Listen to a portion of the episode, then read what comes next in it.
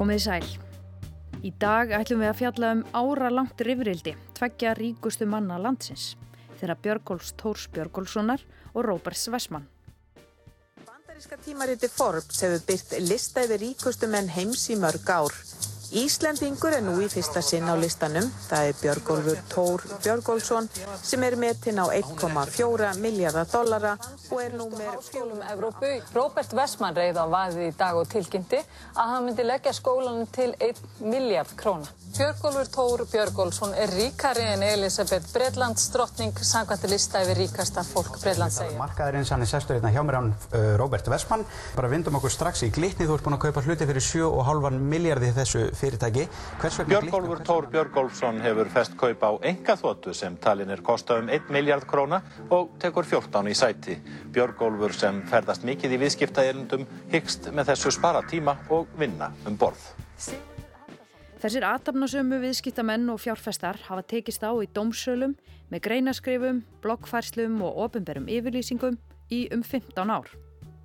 Við ætlum að ræða af hverju þeir eru að rýfast og af hverju það kemur öðru fólki við hvað þeir eru ósáttir hvort við annan. Við fáum allavega að heyra tólkun viðskiptablaðamanns á þessu öllu saman. Þetta byrjar þarna í ágúst 2008, þá er Róbert Fostjóri Aktavis og, og Björgólu Tór aðalegandi Ég heiti Þóra Tómasdóttir og hef umsjón með þættinum Þetta helst í dag.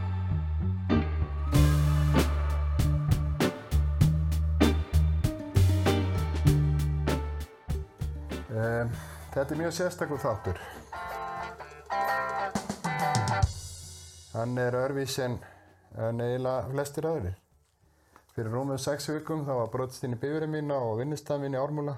Áfalli var gríðalegt. Fyrir rúmu ári bárust frettir af innbroti á skrifstofu Reynis Traustasonar, rittstjóra mannlífs. Þar sem tölvu var stólið og frettum eitt út af VF mannlífs. Fjölmiðlamadurinn Kristjón Kormákur Guðjónsson játaði stuttu síðar að hafa brotist inn á skrifstofunar. Í kjölfarið byrtist klukkustundalangt vídeo á YouTube undir fyrirsögninni Játningin. Þar sem Reynir og Kristjón rættu um hvers vegna Kristjón bröst inn á skrifstofuna. Hvernig ósköpuna dættir þetta í hug? Eh, það er góð spurning. Um, og lengt saga. En á vefrétinu kjarnanum byrtist grein um þessa atbyrgur ás undir fyrirsögninni Tveir ríkir kjánar í hannaslag. Hún fjallaði ekki svo mikið um Reyni og Kristjón, heldur vildi höfundurinn meina að innbrotið væri ángi af miklu stærra máli.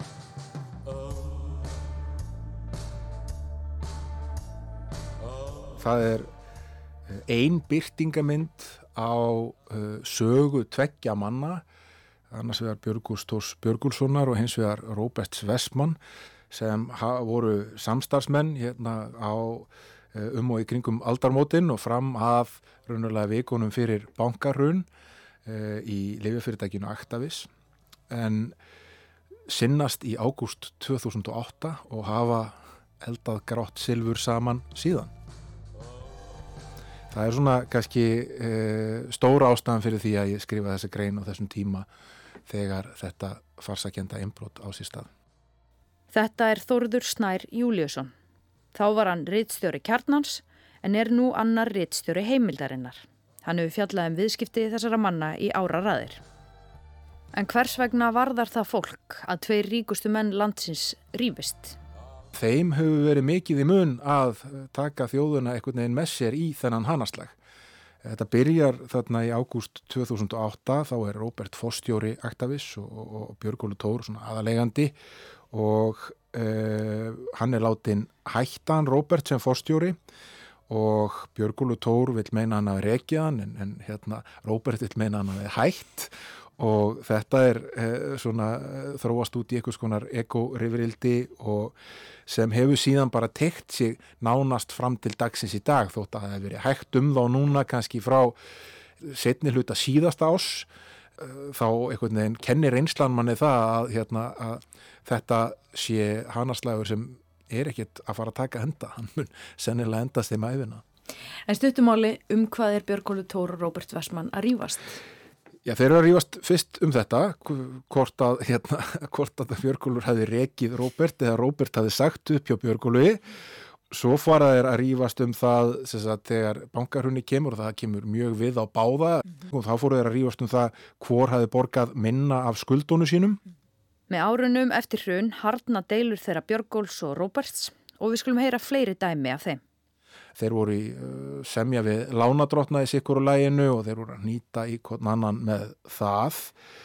Svo fóru þeir ásaka hvern annan um að vera að leggja í alls konar kostnað um það að klekja á hverju öðrum já, hvað segja, fjármagna aðfarir gagvart hvorum öðrum uh, Þá ertu að vísa kannski í hópmálsóknir Já, það eru hópmálsóknir og hérna, svo hafið verið verið að kasta yfirlýsingum fram og tilbaka uh, meðal annars sendi Björgólu Tór frá sér yfirlýsingu þar sem hann sagði á sínum tíma að Róbert væri í stað þess að gera upp miljara skuldi sínar við Íslensku bankana eftir hrun væri hann að koma auð sínum undan kröfuhöfum. Og Róbert svaraði að hérna svona með yfirlýsingu þar sem hann gaggrindi viðskipta siðferði Björgur Stórs og Björgur Tór stemdi Róberti fyrir viðskipt sem er áttu saman í gegnum félag. Eh, Robert svaraði því með því að hérna, nota tækifæru og skoraði á Björg og Tóla að fara í Ísfötubað sem var hérna, svona, svona dæmi sem gekk, nei ekki manni eftir ég að sé það mm. þar sem hann þyrti smá kælingu og flest af þessar yfirlýsingar ef ekki alla, það eru sendar bara þeirra frumkvæði. Yfirlýsingar þeirra Björgólfs Tórs og Róbert Sversmann eru svo auðvitað byrtar í fjölmjölum enda um tvo fyrirferðamestu fjárfesta landsins að ræða. Þannig að það ætti öllum að vera ljóst að þeir hafa andstigð hvora á öðrum. En deilurnar far ekki bara fram í domsölum og með yfirlýsingum. Að mati Þórðarsnæs hafa þær litað og skekt íslenskt fjölmjölaumhverfi í langan tíma. Og stuttasagan er kannski svo að, að Róbert tók þátt í, í fjármögnun á fjölmjölaveldi sem Björningi Rapsson kom um hérna undir hatti pressunar og reys hæsta árunum 2014 til 2017 tók yfir hvert fjölmiðluna fætur öðrum, meðan Devaf og fleiri og Björningi stýrir því og hver fjármagnar það? Það er, sagt, Robert er einn af þeim sem kemur að því og svo er, er, er staðan orðin mjög erfið þarna um vorið 2017 og það þarf að uh, auka hlutafið og þá allar uh, eitthvað sem kallast fjárfestingar félagi Dalurinn sem var félagi Eigur Roberts og, og, og samstarfsmanna hans að koma þarna inn þeir hafðu lána bytninga fjármunni og þeir ætlaðu að koma inn og taka svona doldið yfir þetta. Uh, svo voru við að greina frá því í, hérna, í umfjöldunum okkar að, hérna, að viðmaldir sem, sem eh, ég og mínu bladamenn töluðum við hafi svona kíkt eh, undir húti í þessari fjárfestingu og þá komaði ljósa að virkaði ekki til vilni Tekjurnar voru aldrei að fara að standa undir kostnaðin sem fylgdi að við halda veldunum eins og það var orðið. E, e, Átni Harðarsson, samstagsmaður Róbert Vestmanns, lísti þannig síðar í viljsingu að hérna, Björningi hafi svona hóta sér þegar dagurinn, dagurinn vildi ekki setja meiri penningi í að bjarga þessum, e, þar sem hann kallaði illarekna engabankans og, og ég veit að beinti í viljsinguna þegar dalurinn vildi ekki láta hann fá hlutafissið í pressunni eftir hann seldi allar eigu þess Uh, fyrir það átti að greiða meðalans með steikum á Argentínu fyrir 6 miljónu króna. Þannig að hann átti að greiða eitthvað skona skuldir með, með, með steikum á Argentínu steikus sem um tíma var í eigu bjössinga uh, þarna eru þeir komnir á eitthvað neinn setja uppi með dregjarnar og leifarnar af þessu fjölmilaveldi hans bjössinga Robert Westman og félagar og vildu þá fara að bakka út úr því þá gerist það að Sigur G. Guðjónsson hæstirættalumæður steg fram og keifti eða flesta leikil miðla, miðla þessar samstæðu og uh, og Sigur G. ætla þá að kaupa þetta til þess að reyka þetta eða var, var hann leppur fyrir Björgólf? Já, það vissi það enginn, Sigur G. var augljóslega ekki að kaupa þetta fyrir eigin reikning þannig að hann var að koma fram fyrir höndekkus en hann vildi ekki upplýsa um það og þrátt fyrir að lög voru sett í landinu sem eiga gegnum lýsa eignarhald fjölmila Þóruður Snær segist hafa sendt ítrekkaðar fyrirspurnir á talsmenn Björgólfs Tórs vegna orðrómsum að hann hafi fjármagnað kaupin á DFF í deilum sínum við Róbert Vessmann. Að sögn Þóruðar hafi verið augljóst að einhver með digra sjóði hafi fjármagnað tapreksturinn á fjálmiðlunum sem hafi hlaupið á hundruðum miljóna.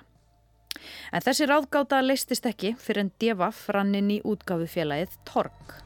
Þá kom í ljós að hérna Anovator, fjórstekafélag sem leittir að Björgvöld Tór, hafði lánað útgáðufélagi DFF og tengdara miðla yfir 1 miljard krónar vakstalust og án tilgrens gælda. Þá til þess að gera Róberti Vestmann skráfefu að því er veriðist ákvað uh, þetta fjórstekafélag sem er stórt á alþjóðvísu að taka þátt í því að sökva uh, rúmum miljardi vakstalust og án gældaga í þennan fjölmjörarökslur. Þóruður Snær nefni fleiri dæmi um áhuga Björgólfs Tórs eða öllu heldur aðkomu hans að fjölmjölum. Frækt dæmi sé þegar hann reyndi að kaupa devaf fyrir hrun í þeim tilgangi að leggja blaðið niður. Í þetta sinn hafi tilgangurinn verið annar. Það, það er mín álygtun að hann er að gera, er að gera Róberti með einhverjum hætti skráfefu. Róbert og hinbóin satt eftir með eitt hluta af þessu, þessu gamla bjössingaveldi sem hétt Byrtingur og gaf meðal hans út fríblaði mannlíf og það var svona fært í hendunar á, á manni sem var búin að vera upplýsingafulltrúi og einhverju leiti varðhundur Róbert Sversmanns í mjög langa tíma maður sem heitir Haldur Krismansson og hún var falið að stýra því fyrirbæri og, og koma fram fyrir þess hönd og, hann hafi starfað fyrir Róbertan í átján ár sem uh, upplýsingafulltrúi og hérna betið fast þegar að Róberti var sótt. Og þarna var gríðalög taprekstur líka áfram inn í þessari byrtingareiningu og Róberti þetta áfram að fjármagna hann þar voru alls konar uh, umfjöldunöfni sem byrtust allan að skrítin Já. svona hérna síndu Róberti í, í mjög góðu ljósi og hérna Uh, og það staðfestu margir uh, í umfjöllun sem við byrtum á kjarnanum, margir sem hafði unnið á þessu fjölmjölum að Róbert hafi verið að greiða fyrir það sem þeir töldi að vera tilröndar að hans hálfu til þess að hafa ólega áhrif af fréttaflutning miðla sem hann hefur komið að með það fyrir augum að koma höggja á fólk sem hann taldi segja sögótt við og það er auðvitað fórfremstur í flokki eins og oftast áður Björgólu Tór Björgúrsson og nú fer sagan í skrítnar áttir því skindilega skilja leiðir þeirra Haldórs Kristmannssonar og Róberts Vessmann sem hefur verið nánir samstarfsfélagar í ára raðir. Og það gerðist ekki í góðu. Haldór snýst gegn Róberti árinu 2020. Nú beð það ár fyrir hann að hitta Björgur Tór á veitingastaði í London af einhverjum ástæðum sem ég veit ekki hver eru og mynd sem einhverju spæjarar tóku af þeim að fundi fyrir að byrtast í íslensku fjölmjölum og manni líður eins og maður sé fastur í einhverju Netflix-seríu eða, eða, eða, eða skandinaviski seríu um, um, um, um siðlusa bónkamenn. Jeg heter Anna, ég er 39, ég er gift með fantastisk kvinna. Og það var svona í að því fjölmjölum að Björgólu Tór var að láta Haldur hafa fjármakt til ímis að verka en báðir hafði alltaf neita því síðan. Og svo Uh, þarna nokkru mánuðu setna, voru í 2021 á steg Haldur fram sem uppljóstrari og segir að hann hafi verið beittur óeðlum þrýstingi til þess að koma á höggi og óvildamenn Roberts og ber Robert þungum sökum segir hann að beitt ofbeldi og, og þetta uh, leiði með lands til þess að hérna, að mannlíf fer að, að skrifa einhverjar upplýsingar uh, um mikið að greinum um Robert Westman á móti Nú nálgust við uppáfspunktin á þessari umfjöllun, innbrotið á mannlíf. Hvernig ósköpuna dættir þetta í hug? Eh, það er góð spurning. En því réttstýri Reynir Þraustason og vefriðið byrti um 70 greinar á stuttu tímabili um Róbert Vestmann. Og þarna er sagt, mannlíf skráð í eigu haldós. Svo, svo setna með er ofnberað að Reynir hefur þá uh, fengið fér til þess að, hérna, skrifa bók um Róbert. Eh, í janúar 2022 þá sendi nýr upplýsingafulltrúi Robert sem að teki við starfi Haldurs en eina yfirlýsinguna í þessu stríði og sagði þar að félagi eigu Haldurs væri að greiða félaginu sem ætti mannlíf 20 miljóna króna fyrir að halda út í nýðskrifum um Robert og uh, Þannig að þarna segir upplýsingafulltrúi Robert Sversmann að Haldur Kristmansson sé að borga fólki til að skrifa um sér nýð. Já, Nýðgreinar. rétt, uh, 20 miljóna. Reynir Traustason, rítstjóri mannlífs, upplýsti þá að Haldur Kristmansson væri aðstóða sig við bókaskrif um Róbert Vessmann. Haldur væri bæði að fjármagna bókina og aðstóða við heimildaöflun. Róbert Vessmann fór í hart og síðan nefnd Blaðamannafélags Íslands komst að því að Reynir hefði framið alvarleg brot á síðarreglum félagsins með umfjöllun sinni um Róbert Vessmann. og svo nærið svona nýjum hæðum þegar brotist inn á uh, hérna sem við rættum hérna í byrjun brotist inn á reittstjórnarskrifstúr mannlífs uh, og það enda síðan með að fórnalambið Reyni Tröstarsson tekur viðtalið við þann sem bröst inn Kristjón Kormák uh, þá reittstjóra skamlísu sem er 24 punkturis mm -hmm. og, og þannig einhvern veginn er er endapunktur settur við þennan uh, bílastæða varða þátt fóstbræðra. Þóruður Snær segir þó að það séu alvarlega hliðar á þessu máli sem snerti rekstrar umhverfi fjölmiðla. Ákvörun þessara manna um að setja miljarda í einhverjar algjörlega ósjálfbarar fjölmiðlasjópur ár eftir ár eftir ár hafa gert rekstraðastafur annara sem eru að reyna að gera vel starfa heilindum miklu erfiðari. Það bara býrtir samkettnisbjögun á markaði þegar þú með marga aðla sem er að reyna að sækja í þær takmörku tekjur sem eru fyrir fjölmjöla sæki í áskriftar og, og auðlýsingatekjur og sumir er ekki reknir og rekstralöfum fósendum. Þeir eru bara reknir fyrir ego af einhverjum köllum sem eru að reyna að koma höggja okkur tannan árum saman. Þú hefur sjálfur staði fjölmjöla rekstri lengi og, og hérna um, haft á því orða að það sé ansi þunguróður og um, ég búin að velta fyrir mér hvort að pyrringur þinn í garð þess að tvekja manna uh, skýrist á því að sé erfitt að keppa við þá því þeir eiga svo mikið penning? Eh, ég, svona, til að byrja með að segja er ekkert persónulega pyrraður út í neitt líka, þetta eru þetta bara eitthvað sem við höfum fjallað um eh, en, en það skiptir auðvitað máli og, og, og það er mjög frústirandi, ég viðkynna það alveg hafa þetta verið að reyna að reyka litla fjölmjöla í meirin áratug að, hérna, að það er ekkit að keppa, það er ekki allir að keppa er leikrið Þetta var skoðun Þórðarsnærs Júliussonar, viðskiptablaðamanns og annars rittstjóra heimildarinnar á deilum tveggja ríkustu manna landsins. Við sláum botnin í þetta helst í dag, þökkum hlustunina og verðum hér aftur á mánudag.